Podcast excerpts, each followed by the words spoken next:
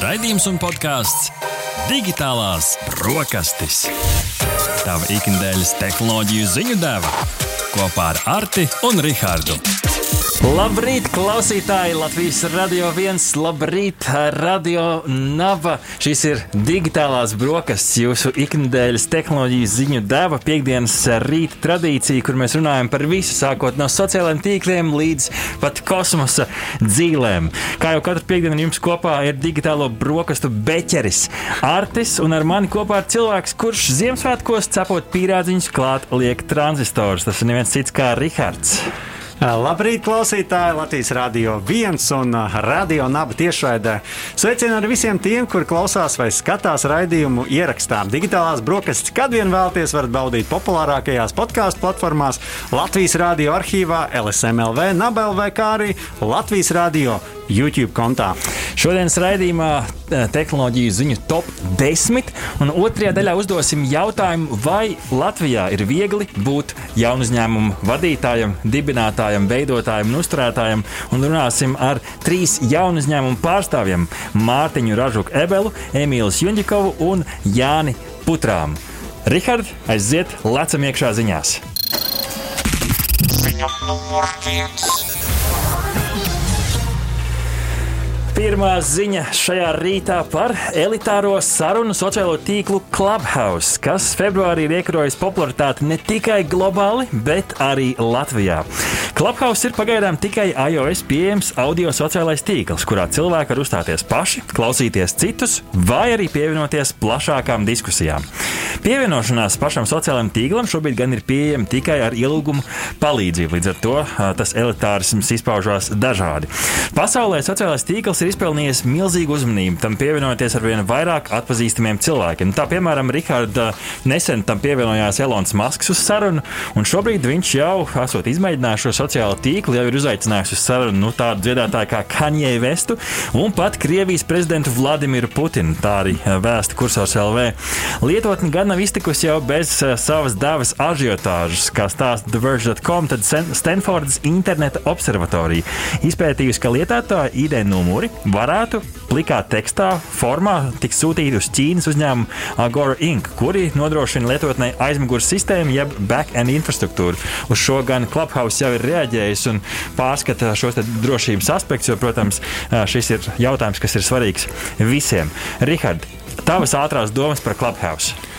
Es domāju, ka interesanta platforma, bet eh, no otras puses teikt, ka nekas unikāls, jo nav pirmā šāda veida platforma, ir pieejamas arī citas līdzīgas, bet kāds reizēm gadās tieši slavenību, populāru cilvēku iesaist kādā jaunā platformā, pavērtai pilnīgi jaunas apvāršņas, arī tā skaitā lietotāja ziņā. Tā kā nu, jauna tendence, es domāju, ka daudzi šodien uzzināja par šo lietotni, un visticamāk arī tas lietotāju skaits strauji, strauji augs arī šeit pie mums Latvijā. Un man šķiet, ka tas notiks tajā brīdī, kad viņš būs beidzot šī lietotne būs beidzot pieejama Android versijai. Šobrīd tas elitārisms ir ļoti spēcīgs, bet, nu, protams, protams saprotams, jauna lietotne un tā aug, bet tā aug arī Latvijā. Un šeit pakonsultējamies pie viena no Clubhouse Latvijas komunas aktīvistiem, kurš, starp citu, būs pie mums arī uz intervijas jaunu uzņēmumu sakarā. Tas ir neviens cits kā Emīls Junģikovs, kurš aizdīties sestdienā citiem dombiedriem sāka veidot šo Latvijas komunu, aicinājusi tādu pirmo centralizēto sarunu. Un, nu, kā Emīls pats komentē, neskatoties uz to, ka diskusija diskusijas latviešu valodā notiek par dažādām tēmām, no gaužu ikdienišķām, piemēram, pie vakariņu galda, līdz profesionālām tēmām par mārketingu, sociālajiem tīkliem. Lai gan šis tiešām ir tāds sākums, tomēr ir jau pirmās sarunas izveidojušās. Novērojams, ka ar laiku šīs bezformāta sarunas pārvērtīsies par tādām kalendārā ieplānotām, konkrētām, pat kaut kas uz podkāstu pusi. Un, Ir zināms, ka arī latvieši sāk pieteikt šos klubiņus, jeb štābi, štābiņus platformā, kas ir nu, praktiski sarunu istabas par konkrētu tā, tēmu. Tā kā, nu, vienkārši valodā runājot, tāds liels konferences zvans, kur var runāt pāris cilvēki, līdzīgi kā konferences zvanā. Šis formāts man šeit ir tā, priekš, nu, tā pievilcība, un ja kāds man prasītu, kuras redzu, kurām nozarēm potenciāli, tad visas nevalstiskās organizācijas, dažādas diskusiju formāti, politiskie spēki, tur šis viss ir iespējams jautājums un sarunas ir tas, uz kā šī platforma dzīvo un balstās. Ziņa numur divi. Finanšu lietotne Revolut Latvijā sāk piedāvāt tās Lietuvas bankas licencētos pakalpojumus, kas lietotājiem ir pieejami atjauninot lietotni. Ko tas nozīmē aptuveni 160 tūkstošiem Latvijas klientu? Kā digitālajiem brokastīm skaidroja Finanšu un Kapitāla tirgus komisija, pati finanšu lietotnes platforma Revolut App paliek tā pati. Līdz šim visi Latvijas uh, Revolut klienti saņēma vienīgi elektroniskās naudas iestādes Revolut Payments UAB pakalpojumus, nevis bankas pakalpojumus. Ja Revolut Payments klients kļūst par Revolut Bank klientu, viņa maksājuma kontā turētie līdzekļi ir iekļauti Lietuvas noguldījumu garantiju schēmā. F FKTK piebilst, ka minētajām iestādēm nav Latvijā ne pārstāvniecības, ne filiāles, ne klientu apkalpošanas centra. Līdz ar to arī sūdzības vai iesniegums par iespējamiem pārkāpumiem saistībā ar šīm iestādēm kompetenti izskatīt ir vienīgi Lietuvas banka, nevis FKTK. Lai gan Revolut Bank UAB nav uzskatām par Latvijas banku, tā joprojām ir Lietuvā licencēta kredītiestāde, kura Latvijā pārobežā tiešsaistē piedāvā savus pakalpojumus. Tādēļ Revolut Bank OB ir jāsniedz dati valsts iestādēm Latvijā. Tā skaitā arī valsts ieņēmuma dienestam. Nu, rekā, jautājums, vai a, tie nu, cilvēki, kas varbūt gribēja nedaudz paslēpt savus maksājumus no a, valsts, a, kā saka, rūpīgās acis, vai sanāk tā, ka tagad viņu maksājumi būs a, redzami? Es domāju, ka meliem īsi kājas un visām lietotnēm beig beigās jau tie dati kaut kur būs pieejami, bet šeit atbild uz tavu jautājumu, jā, visi dati būs pieejami Latvijas valsts iestādēm, ja jau tas nav iespējams arī jau šobrīd. Tas pats valsts ieņēmuma dienas, nezinu, kuriem vēl interesē sociālā apdrošināšanas aģentūra, iespējams, vēl kaut kādi nu, cilvēki, kas. Es nesaku, ka revolūtā ir šādi cilvēki, bet noteikti tādi ir visā šajās nebanku lietotnēs. Cilvēki, kuriem nezinu, skaita naudu no ārzemēm, cilvēki, kuriem nezinu, nemaksā alimentus vai kuriem ir parādi un, un no konta automātiski noskaita. Tad nu, šādas nebanku lietotnes bija veids, kā joprojām uzturēt kārti, uzturēt kontu kontu. Nu, pagaidām izskatās, ka Revolut, uh, ja pilnībā pāries šo bankas pakalpojumu arī Latvijā, tad šis man šeit nu, galīgi nebūs prātīgi, bet tas nav prātīgi arī jau pašā sākumā. Ziņa. Krīzes. Kopš lietotnes apturi Covid izstrādes tā leju pielādēta jau 300 tūkstošus reižu. Tā vēsta slimību profilaks un kontrolas centrs. Savukārt 2976 reizes ar Covid-19 inficējušies cilvēki, izmantojot lietotni, paziņojuši savām kontaktpersonām par paaugstinātas inficēšanās risku. Lai veicinātu lietotnes efektivitāti, Latvijas lietotne apturi Covid nu jau sadarbojas un saprotas ar 11 citu Eiropas valstu kontaktfiksēšanu fiksēšanas lietotnēm. Īrija, Itālija, Vācija, Spānija, Dānija, Horvātija, Polija, Nīderlanda, Beļģija, Somija un arī Austrija. Tas nozīmē, ka kontaktu fiksēšana un kontaktpersonu apziņošana saslimšanas gadījumā turpinās, satiekot cilvēkus, kas izmanto arī kādu no šo valstu lietotnēm. Savukārt, atrodoties iepriekš minētajās valstīs, Latvijas iedzīvotājiem nav jālejupielādē šīs valsts aptura Covid versija, pietiek ar mūsu pašu lietotni. Uh, Rihard, uh, Ko tu domā par šo lietotni jau šobrīd? Mēs uz viņu esam skatījušies dažādos posmos, vai šobrīd tas jau ir kaut kāds jauns normālais, kā mēs dzīvojam? Es domāju, ka ir, ir jāsaredz plusi uh, no mūsu uh, jaunajām tehnoloģijām, kas mums palīdz. Un, uh, nu, vienmēr jāvērtē uh, tas uh, ieguvums uh, pret to zaudējumu. Un šajā gadījumā tā izmantotā tehnoloģija, uh, šī te Bluetooth tehnoloģija, uh, rada salīdzinoši zemu risku, ka kāds varētu mūs izsekot. Uh, nu, tas risks ir tuvu nulē. Uh, bet te pašā laikā ieguvums ir gan liels. Līdz ar to es domāju, ka jāskatās pozitīvi uz priekšu arī, uh, ka tiek izmantot šādu lietotni, lai nu, samazinātu šo potenciālo saslimstību.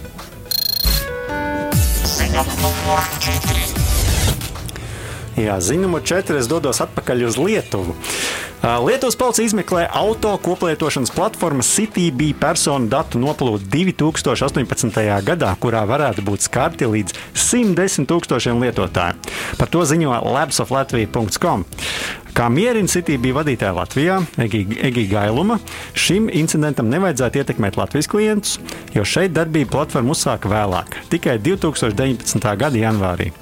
Noplūdušie dati ietver personas kodus, bet ne finansu, finanšu maksājumu datus. No lielākas datu noplūdes ir pagā, pasargājis fakts, ka, piemēram, norēķinu karšu un autovadītāju apliecību datus glabā atsevišķi pie citiem datu pārziņiem.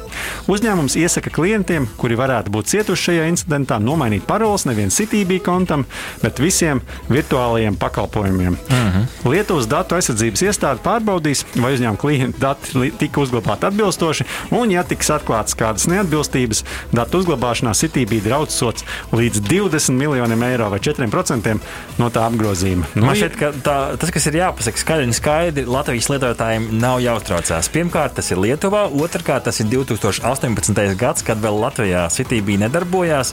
Uh, un, uh, nu, jā, līdz ar to treškārt nodalīt šie datu, datu arī šie apjomi. Līdz ar to ne, neceļam paniku uh, pakalpojumu var izmantot tāpat kā visus citus koplietošanas pakalpojumus.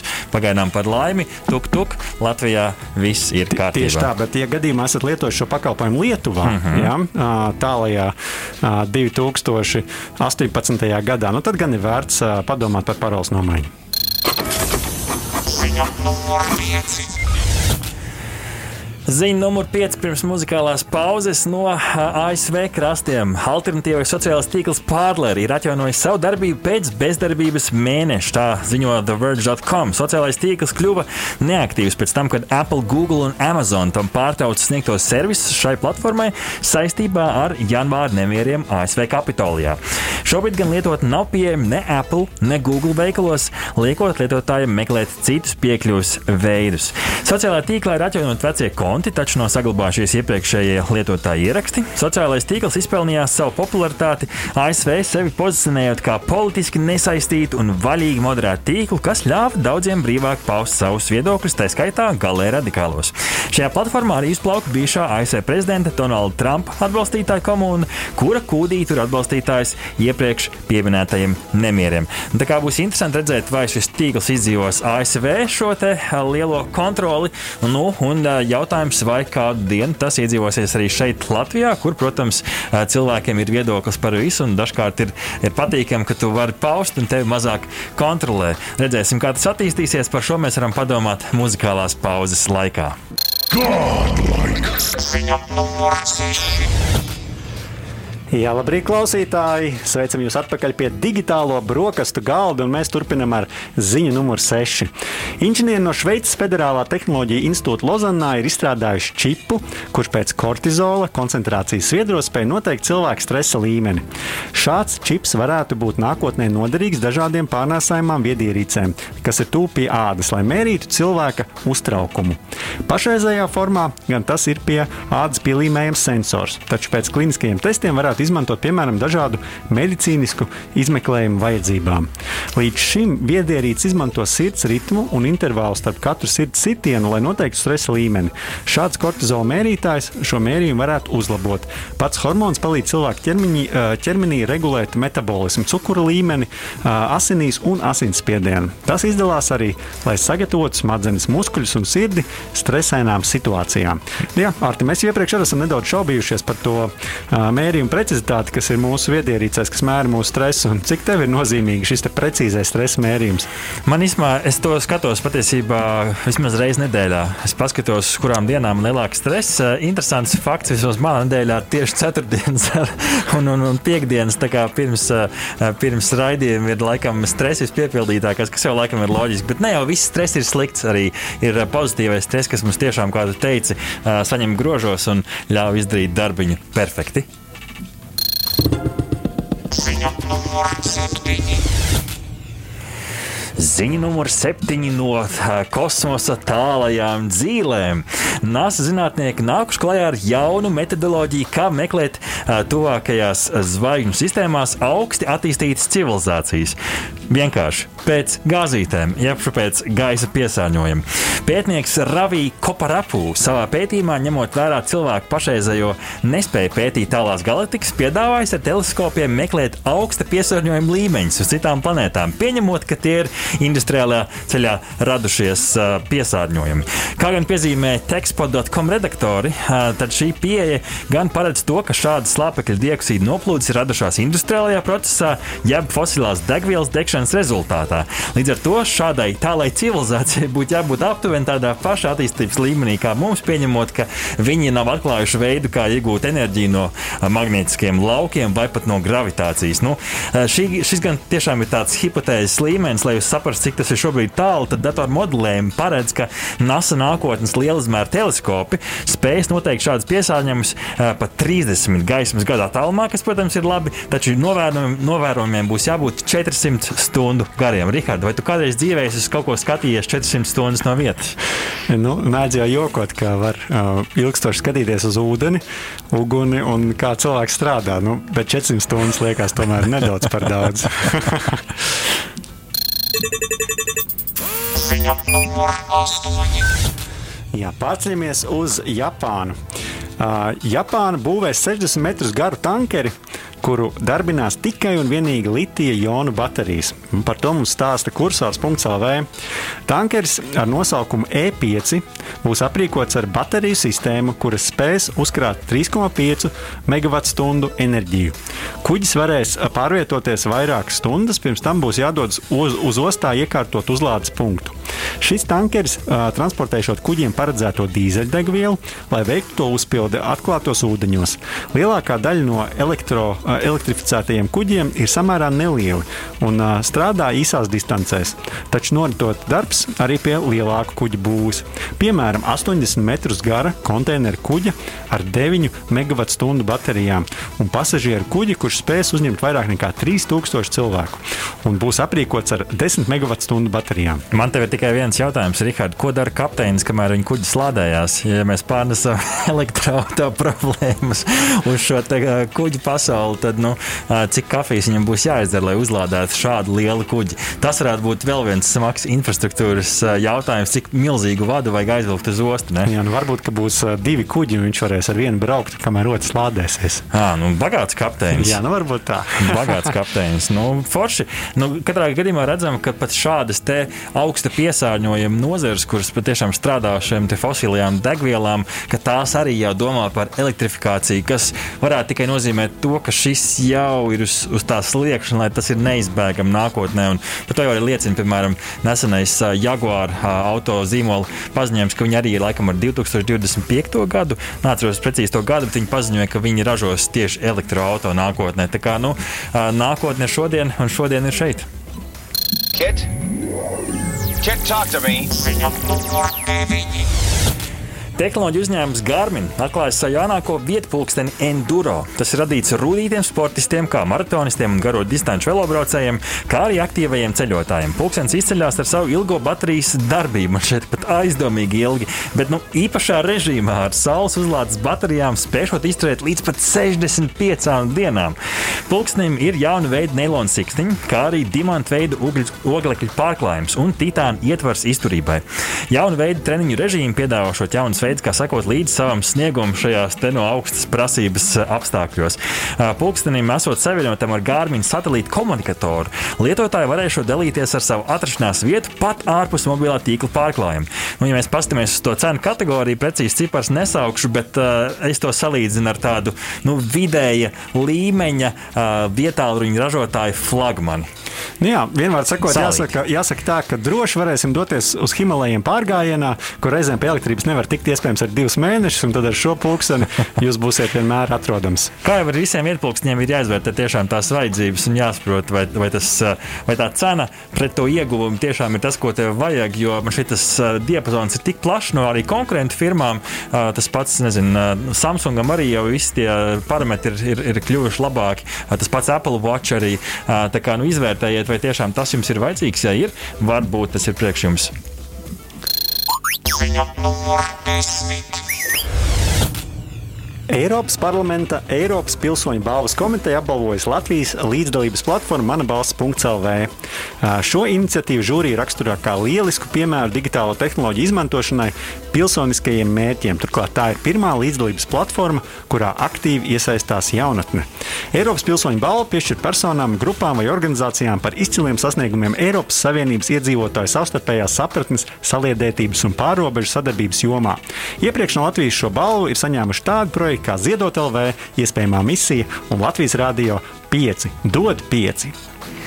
Nu, redz, kā par labiem nopelniem var jābalvo. Katrā gadījumā mana balss man šeit ir tāda laba vieta, kur, kur izteikt savu viedokli. Es, es katrā ziņā esmu tikai par. Es nezinu, cik bieži tur ir Dieja manā balsī apskaties, kas tad interesants tur notiek. Nu, Droši vien, kad apmēram reizi mēnesī man mm -hmm. sanāk apskatīt, un parasti tas ir sekoja kādam, kādai saitei no sociālajiem tīkliem, un tad attiecīgi tur ieraugu kādu jaunu iniciatīvu, kuru iespējams atbalstīt. Nu, katrā gadījumā prieks par to, ka digitālā pasaule spēja arī palīdzēt uh, demokrātijai. Patiesībā tādi vairāk rīki mums ir iezīmējušies. Mana balss, tas pats Clubhouse, uh, kur tur veidot šīs, tas, šīs tas sarunas. Uh, katrā gadījumā digitālās iespējas mums paver dažādus risinājumus. Kādus risinājumus paver Latvija jaunu uzņēmumiem? Par to mēs parunāsim jau pēc muzikālās pauzes, kad mums pievienosies trīs jaunu uzņēmumu pārstāvji un atbildēs uz jautājumu, vai viegli būt jaunu uzņēmumu Latvijā. Mm. Ko liksim uz kārā zoba? Digitālo brokastu saldais ēdiens.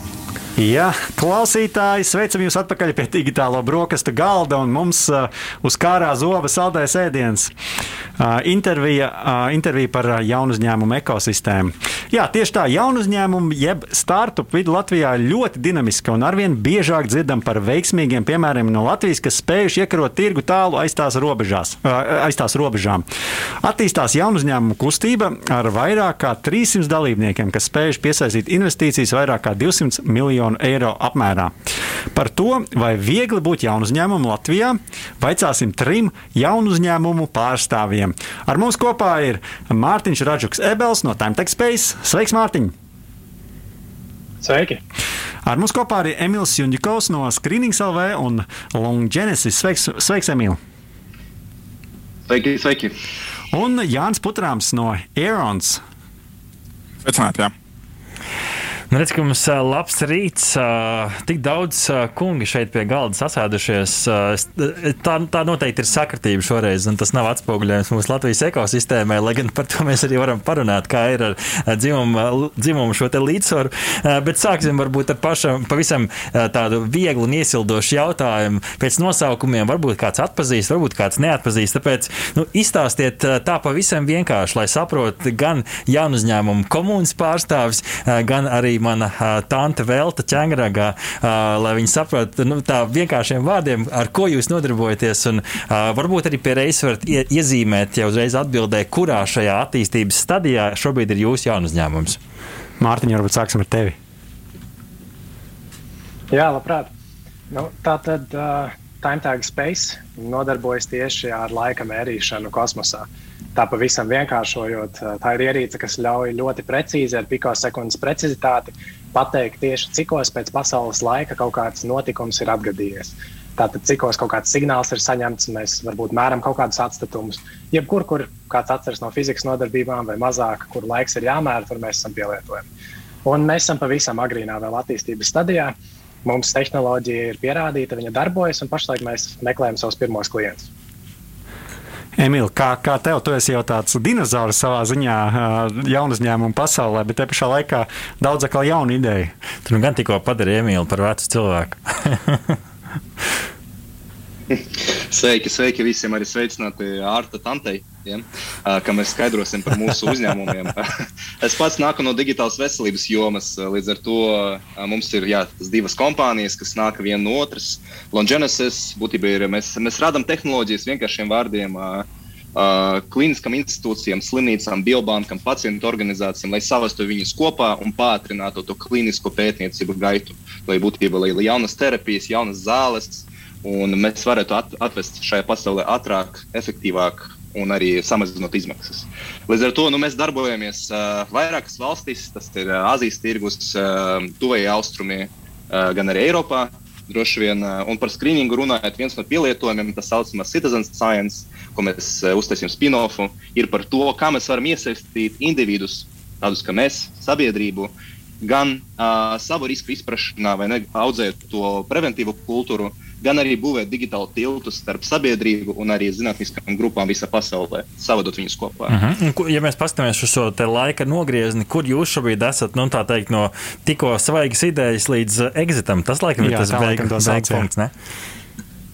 Okay, līdz exitam vēl ir, ir laiciņš, bet uh, Longenesis ir astādījis uh, raunda uzņēmums, ja, kas jau pieradis sevi, kuram ir jau ienākumi, mums ir klienti, mēs uh, finalizējam jaunu investīciju raundu. Screenings savukārt ir uh, pavisam jauns uzņēmums. Mēs sadalījām viņu no tāda proof of concept, prototypa stadijas, kā atsevišķa kompānija, un tagad notiek pirmie piloti ar biofarmācijas uzņēmumiem un arī ar uh, valsts institūcijām. Mm -hmm. Palabojiet, kungi, ja es kļūdos, bet nu, tā vienkārši vārdiet sakot, exits, tas nozīmē, ka jaunu uzņēmums ir atradis nu, teikt, savu nākamo lielo īpašnieku. Tā to vienkārši varētu pateikt. Visi klusē, tad, tad piekrīt, varbūt, ja palabos, tad tas būs Jānis. Jāni, pastāst lūdzu par Aerons, par to attīstības stadiju un palabo man, ja es kļūdījos. Jā, paldies. Uh, jā, īsumā par Aerons. Tātad Aerons izstrādā uh, robotiskos ri, uh, risinājumus veidu turbīnu apkalpošanai. Uh, tie, kas nezina, teiksim, robotiska risinājuma, tad te man pa kreisi var pastīties, šeit viens robots man aiz muguras strādā. Uh, īsais ievads ir tāds, ka uh, pasaulē katru gadu vajag aizvien vairāk un vairāk enerģijas, elektroenerģijas. Un, un mēs gribētu, lai tā papildus enerģija būtu zaļā, zaļā enerģija. Un ir, ir saules paneļi un vēja turbīnas galvenokārt, kas, kas šo zaļo enerģiju var nodrošināt. Bet uh, vēja turbīnām ir, ir arī izaicinājumi. Un viens no izaicinājumiem ir tas, ka ir nepieciešama apkope. Viņus vajag reizēm nofotografēt, reizēm vajag nomazgāt. Uh, tad viņos vēl arī zibens spēr, un, un katru gadu ir jāpārbauda, ka tiešām ar zibens sistēmu viss ir kārtībā. Un, uh, līdz šim to dara industriāli alpinisti.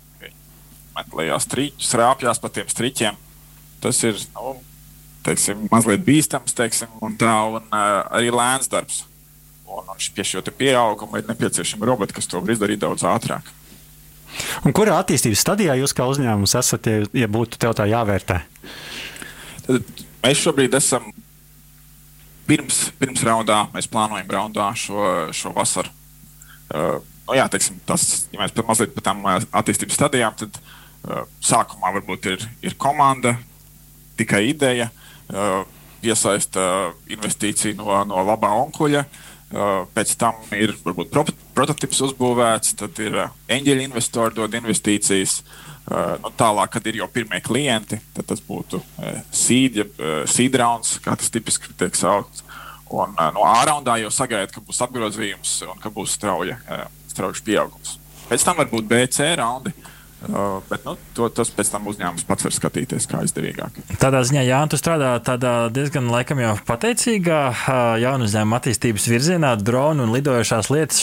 Šogad mēs arī šeit, ka Labs of Latvija par to rakstīja, ka UAV Factory, kas arī ražo dronus, gan nedaudz citādāks kā YouTube kanālā, ja kāds šobrīd mums skatās, kā var redzēt arī tavā foniņā, bet nu, viņi laikam piedzīvoja to, to exit. Tā kā nu, mums ir arī pirmais exit šogad, šogad Latvijā bijis.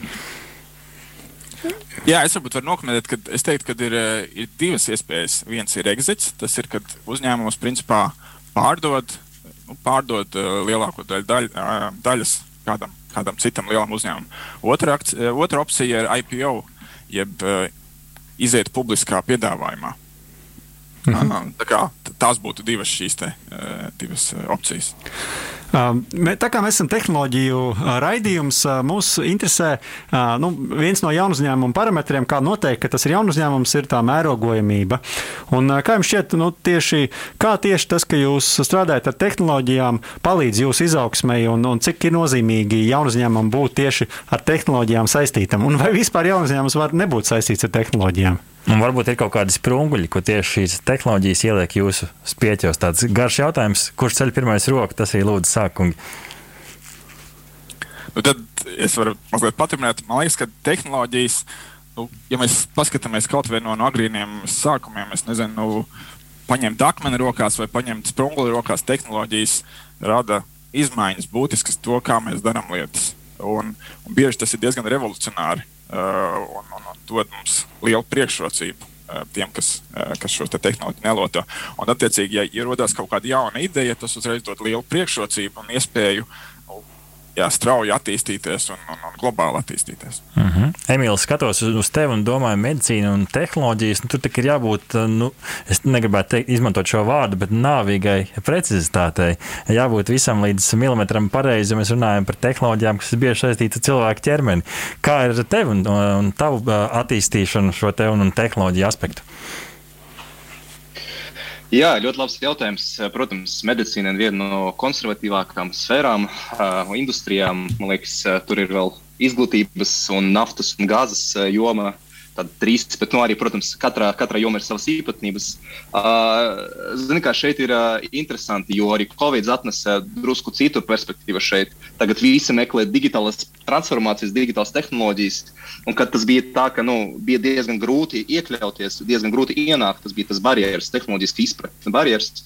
Tagad visi nu, ir tas oversaturation vai pārsatinājums ar tiem terminiem, pārsatinājums ar vēlmi digitalizēt, ieviest telemedicīnu, ieviest dažādas rīkus, kā varētu monitorēt, vākt datus, apstrādāt datus. Tas nav tikai labi, tas nav, nenāk tikai par labu. Protams, mēs esam priecīgi, ja mēs esam uh, trīskārtojuši gan komandas uh, skaitu, gan arī savus ienākumus, gan klientu skaitu, bet no otras puses, nu, tagad jebkurā kliniskā vai biomedicīniskā iestāde vai ne, raujās, lai kaut ko digitalizētu, un šeit arī ir dažreiz ir jāstrādā ne tikai par ievieš, ieviesēju, bet arī savilkot uh, punktus un tiešām rādot viņam, kāpēc viņam tā tehnoloģija ir vajadzīga un vai tā tehnoloģija, digitāla tehnoloģija ir vajadzīga. Varbūt to procesu var transformēt arī citādāk. Mārtiņam arī jautājums, nu, tāds nišas produkts, bet no otras puses, tagad tas kosmos ir tik aktuāls. Man liekas, pagājušajā gadā bija katru nedēļu par kosmosu kāda jauna ziņa. Varbūt tomēr nav nemaz tik ļoti nišas produkts. Nu, ir pavisam grūti pateikt. Gan jau visi produkti kādreiz uzsāk savas gaitas kaut kādā laikmetā, kādā civilizācijas attīstības posmā, mm, savas lietas kā nišas produkts. Un tad uh, pienāk, pienāk kāds brīdis, varbūt nezinu, pēc desmit gadiem, pēc divdesmit, kad mums tās kosmosa lietas uh, liksies pavisam ikdienišķas un nekas tur pārsteidzošs vairs nebūs. Tagad es, viena lieta, kas man sagādā grūtības, ir jāsteigā no viena partnera investora pie otra un jārāda kaut kādas prezentācijas ar uh, kaut kādiem tā saucamajam market forecast, kā tirgus izskatīsies pēc gada. Un man ik pa pāris mēnešiem viņš ir jāmaina, jo visas tā kā uh, lielākās prognozes, kāds varētu būt maksimālais jauno satelītu skaits kosmosā, viņš tiek tā kā pārspēts no katra pārskata uz citu. Viņš aug eksponenciāli jau šobrīd. Lieta. Tad? Šis satelīts skaists jau tā kā eksponenciāli, tāda strauja izaugsme debesīs līdz ar SpaceX ienākšanu no privātās puses un citiem, citiem spēlētājiem. Kā tur izskatās kopumā? Pilnīgi, pilnīgi noteikti. Ja mums uh, iepriekš bija kaut kādi uzņēmumi iepriekšējos gados, kas varbūt labākajā gadījumā pāris desmitus satelītu varēja palaist kosmosā, tad tagad uzņēmumi kā SpaceX, pareizāk sakot, uh, Starlink jau grib desmitos tūkstošos satelītu kaut kādas desmit gadus laikā palaist. Uh -huh, uh -huh. Uh, Mārtiņ, mums te ir īpašs jautājums. Vai tu kādreiz pats esi gribējis būt uh, kosmonauts? Godīgi atbildēšu, ka nepārāk. Tiem, tiem kas redz manu video, redz, ka es esmu savā privātajā kosmosa kuģī, bet Uh, tas noteikti nav katram domāts. Nu, redz, kā, domāju, mē, kāpēc, kāpēc mēs šo prasām? Mēs LSM Instagram kontā, kur mēs parasti uzdodam jautājumus mūsu klausītājiem un skatītājiem, prasījām, uh, vai viņi kādreiz ir gribējuši būt par kosmonautu. Nu, 60% atbildējuši noliedzoši tajā kategorijā, laikam iekrīt arī tu, bet nu, tomēr 40% par šo ir sapņojuši. Uh, vajadzētu laikam piezemēties uz zemes, Rihard. Ne? Tieši tā, piezemēsimies tepat Latvijā. Un, uh, man savukārt gribās jautāt jums par to jaunu uzņēmumu vidi šeit uz vietas, par to ekosistēmu, kas šeit ir. Uh, nu, vai viegli būt tehnoloģijās balstītam jaunu uzņēmumu Latvijā? Un, uh, nu, kas, ir tas, kas ir tie dzinuļi, kas šeit Latvijā ir un kas ir tie galvenie sprunguļi? Jo nu, Latvija no vienas puses maza valsts, bet no otras puses nu, jūs esat arī pierādījums, ka Latvija var un ka mēs varam patiesībā būt ļoti arī uh, konkurētspējīgi pasaules tirgos. Mm -hmm. Varbūt tad šoreiz sāksim no otra gala. Mm -hmm. nu, es aptuveni sarindoju jūs pēc tās attīstības pakāpes, laikam, Mārtiņ, neapvainosies, ja mēs tev laidīsim laidīsim pirmo pie vārda? Jā, labprāt, noteikti. Ne. Nu es teiktu, ka viss, viss ir nosacīti relatīvi. Un, ja es salīdzinu jaunu uzņēmumu vidi pirms pieciem gadiem ar, ar mūsdienām, šodienu, nu, es viņā aktīvi darbojos jau kādus piecus gadus dažādos jaunu uzņēmumos, dažādās nozarēs. Un es teiktu, ka attīstība ir bijusi ļoti pozitīva no tādas tā kā institucionālās, publiskās puses, kā arī tādas sabiedriskās puses. Ja mēs runājam par dažādām at, kaut kādām asociācijām un kopienām, tad tās iespējas tomēr, to iespēju nesalīdzināmi daudz vairāk. Un es teiktu, ka tādā ziņā ir pozitīvi, ka mums ir ļoti daudz atbalsta rīku, mums ir tāda tā kā knowledge hubs, iespējas smelties zināšanas no, no Uh, bet no citas puses, vienmēr jau gribētos vairāk tās iespējas tīkloties, kaut kādas komunas, kopienas, un nu, latvieši ir diezgan noslēgti salīdzinot ar, ar citām tautībām. Un, tāpēc, ja mūs nestumj uz tiem pasākumiem, vai nav kaut kāds ikgadējais lielais pasākums, kur visi tiešām grib tikt, tad dažreiz ir arī grūti atrast tās iespējas tīkloties tajā vidē. Uh -huh. uh, Emīls, skatos uz tevi, un tagad, nu, tu jau esi tādā varbūt tajā nogriezienī nedaudz vēl uz priekšu ticis. Vai tu piekrīti tam, ko saka Mārtiņš par to, ka šīs iespējas ir daudz, bet uh, mūsu šī latviskā personība uh, varbūt ir kaut kas, uh, kas ir jāpārvar? Nu, es, es piekrītu Mārtiņam. Tā ir viena no, no, no lietām, kas, manuprāt, ir. Mums ir liels potenciāls. Ja, nu, ļoti īsi atbildot, arī biomedicīnas jomā, ir īpaši mēs tagad mainīsim arī likumdošanu, kas ļaus mums arī uh, padarīt Latviju, gan arī Baltijas tirgu par tādu nu, interesantu biomedicīnas jomas uh, pārstāvjiem. Bet, uh, man liekas, pievienojot tam, ko Mārtiņš pieminēja par mūsu nu, tādu slēgto vai negribēšanu, vai ne, tas skaļi izteikties un iet ārā uz skatuves. Uh, man liekas, ka dažreiz mēs arī skrienam pakaļ kaut kādam tendencam. Nu, labs, labs piemērs, vai ne? Visi skrien pakaļ hackathoniem. Visi tad klauj, jātaisa hackathons, hackathons, hackathons, hackathons. Tas ir super forši, bet parasti viņš beidzas svētdien, visi saņem savas balvas, tur alus kastes, voucherus, vēl kaut ko. Ir pirmdiena, ko darīt tālāk. Ja dimensijas jomā atbildi ir ļoti vienkārša, nu, nekā, neko nedarīt. Ja? jo tu klauvēsi pie uh, slimnīcas durvīm, jo neviens nevar vaļā. Tu klauvēsi pie biofarmācijas uzņēmuma, tev neviens neatbildēs. Un uh, mums ir drusku nu, jāpiestrādā no tiem buzzwords, ne, ka mēs skrienam pakaļ tikai kaut kādiem motivējošiem sarunām, kas ir ļoti forši. Šito obligāti vajag darīt un vienkārši ideācijām līdz uh, reālam uh, pipeline vai ne, līdz reālam procesam, ka, e, reku, es esmu šeit, nezinu, mēs ar Jānu, Mārtiņu un jums, darbie uh, vadītāji, vai ne, izdomājam, nezinu, piedalāmies virtuālā hackathonā. Ir nākamā pirmdiena, un mums ir skaidrs process. Rekur mums ir kaut kāds pusstrādājušs prototyps, ir prezentācija, laižam, nezinu, Mārtiņš iet prezentēt, vai ne, nezinu, mēs ar jums paliekam aizkulisēs, un mēs zinām, kā, kas ir tie posmi, kā mēs varam nonākt līdz nākamajai stadijai. Man liekas, pie šī vēl jāpiestrādā, bet atkal ir potenciāls uh, un nu, visu cīņu visiem, kas cīnās. Frontu priekšā. Parunāsim nedaudz Emīli, par tām durvīm. Tās durvis vienalga slimnīca vai jebkuras citas nozares nevarās, tāpēc ka jaunu uzņēmumus un neticība tam, ka nu, bez garas pieredzes kaut ko var izdarīt, vai tur ir kaut, kaut kas cits paslēpts. Nu, labs jautājums. Labi, par medicīnas jomu tā ir ļoti sensitīva. Man liekas, Artur mm -hmm. arī pats pieminēja pašu sākumu. Ne, tā superprecizitāte, mm nu, kosmosā arī visticamāk, nu, visur. Ne, nu, mēs nevaram pieļaut arī, ka droniem ir liela, liela aizstra citām lietām. Bet nu, tas, tas ir tāds, ka, protams, tas ir kaut kas jauns. Ja mēs skatāmies uz digitālu transformāciju tajā pašā medicīnas jomā, nu, nevien, nu, pat ja mēs jautāsim tagad ar lieliem farmācijas uzņēmumiem, ne, ko darīt ar to milzīgu datu pūli, kas nāk no slimnīcām vai no citiem reģistriem, atbildes nav jo tas potenciāls tikai tiks radīts. Un, ja tu taisi kaut kādu jaunu tehnoloģiju, ka, kas eh, varbūt netiek pielietot uzreiz, vai ne turpatās, tad nu, tev jābūt tai learning curve, tas saucamā, un viņš jāpārvar tas barjeras. Bet nu, tas ir tāds uh, vistas un nolas problēma. Tev vienmēr ir jāatrod pirmais pilots.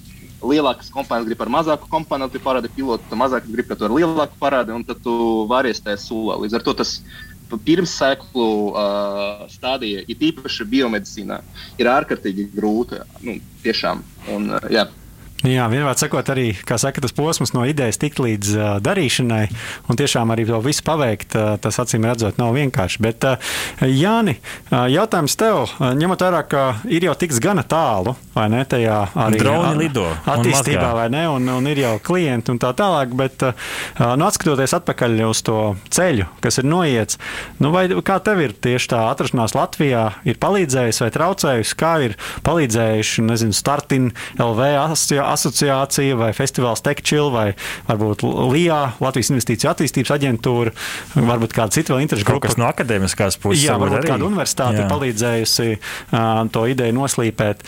Uh, nu, kā, tu, kā tu atskaties šo savu ceļu? Jā, palīdzība ir, palīdzība ir bijusi, un, un kā jūs minējāt, jau no LIA ir palīdzība bijusi Leo pētījuma centrs, Letera asociācija. Uh, un, uh, Bet jā, varbūt viens no izaicinājumiem, ko, ko es varētu teikt, kas ir viens no lielākajiem izaicinājumiem arī šobrīd, ir, eh, ir tieši inženierus atrast, kas būtu spēcīgi eh, konkrētajā uh, jomā. Piemēram, šobrīd mēs meklējam tieši elektronikas inženieru, un ideālā gadījumā viņam būtu pieredze strādājot ar robotiku. Bet nu, Latvijā cik ir tādu uzņēmumu, kas, kas nodarbojas ar robotiku, attiecīgi nu, tādus ir grūti atrast. Tad mēs meklējam vienkārši inženierus, elektronikas vai mehānikus, un tad skatāmies, kur viņš ir strādājis un vai tas varētu būt kaut kādā ziņā saistīts un, un mums derīgi. Vai arī, nu, ja galīgi nesanāk, tad skatāmies, vai, vai cilvēkam ir interese un, un vēlme mācīties. Uh, ja viņi vēl mācīties, nu, tad, tad strādājam kopā un mācāmies kopā. Bet interesanti, jo nu, Rīgas Tehniskā universitāte, piemēram, ļoti spēcīga robotikā. Nu, mums ir nu, tādā vienkāršā līmenī sumo robotu čempioni, bet tur noteikti, nu, vismaz šobrīd tie studenti, kas studē, daudz strādā ar robotiem, vai tomēr es kļūdos? Jā, tas ir ļoti pareizi. Arī mēs mēģinām tos, kas, kas tos sumo robotus būvē, arī mēģinām viņus pie sevis uzaicināt. Bet, uh, nu, jāsaka, gan no, no sumo robota līdz, līdz Protams. produktam nonākt, tur ir daudz visāds vēl Tieši tā vēl pa video. Jā, nu, droši vien gribās uh, tādu noslēgumā, varbūt tādu jautājumu jums visiem.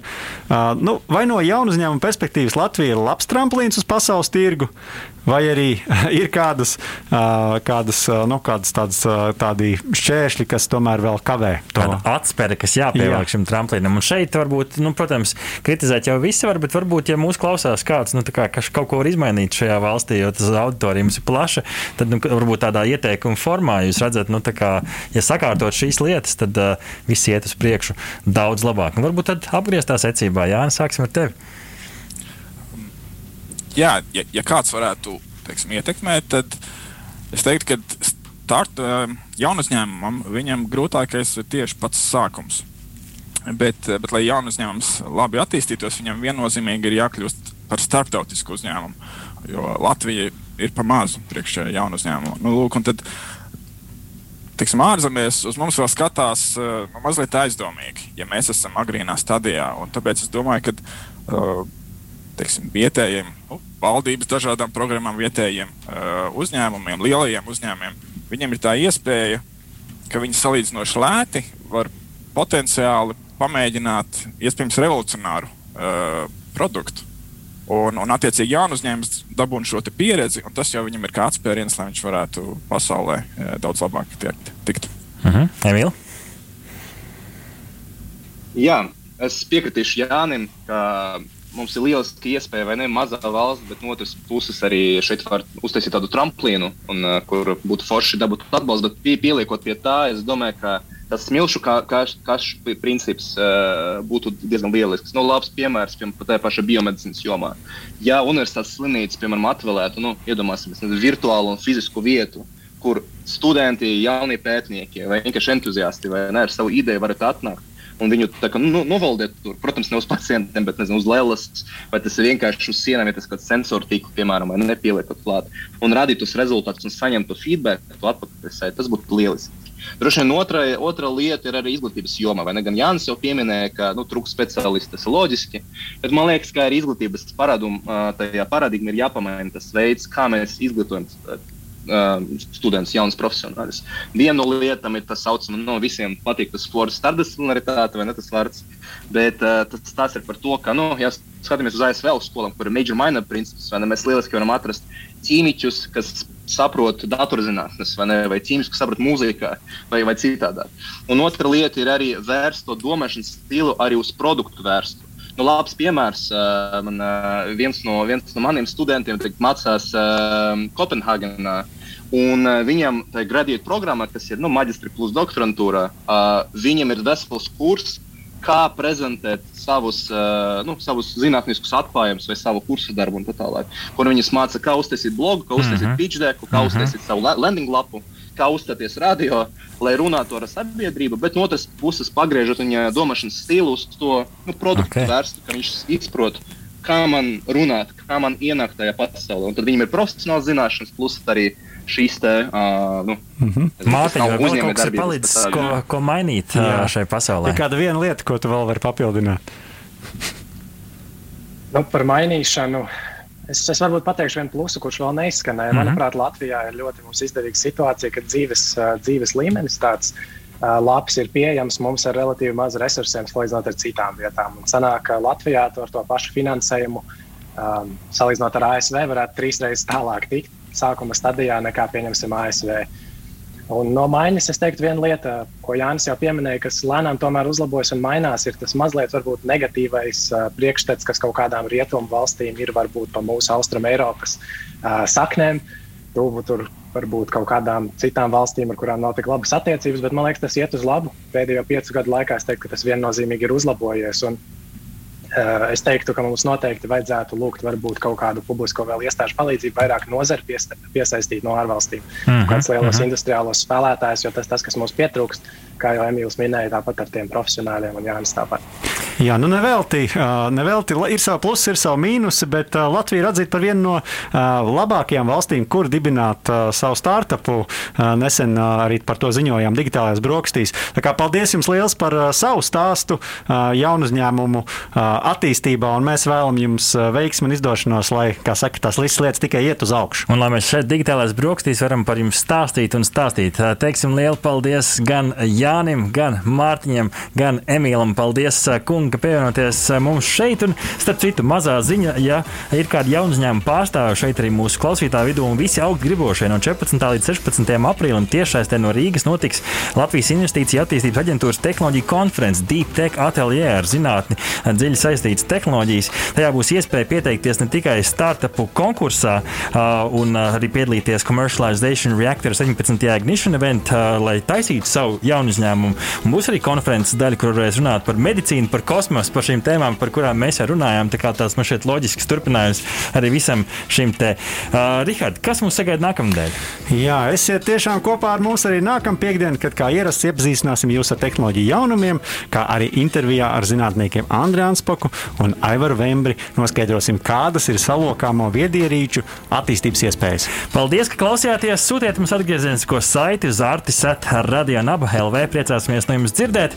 Mūzikas redaktors Girds Bišs pie režijas pults Arnolds Zauziņš, raidījuma veidēji radionāba autori Artis Ozoliņš un Rihards Bleses speciāli Latvijas Radio 1. Tu klausījies digitālās brokastis. Katru piekdienu no 10 līdz 11. Arī podkāstu formātā, populārākajās platformās. Digitālās brokastis! Tava ikdienas tehnoloģiju ziņu deva.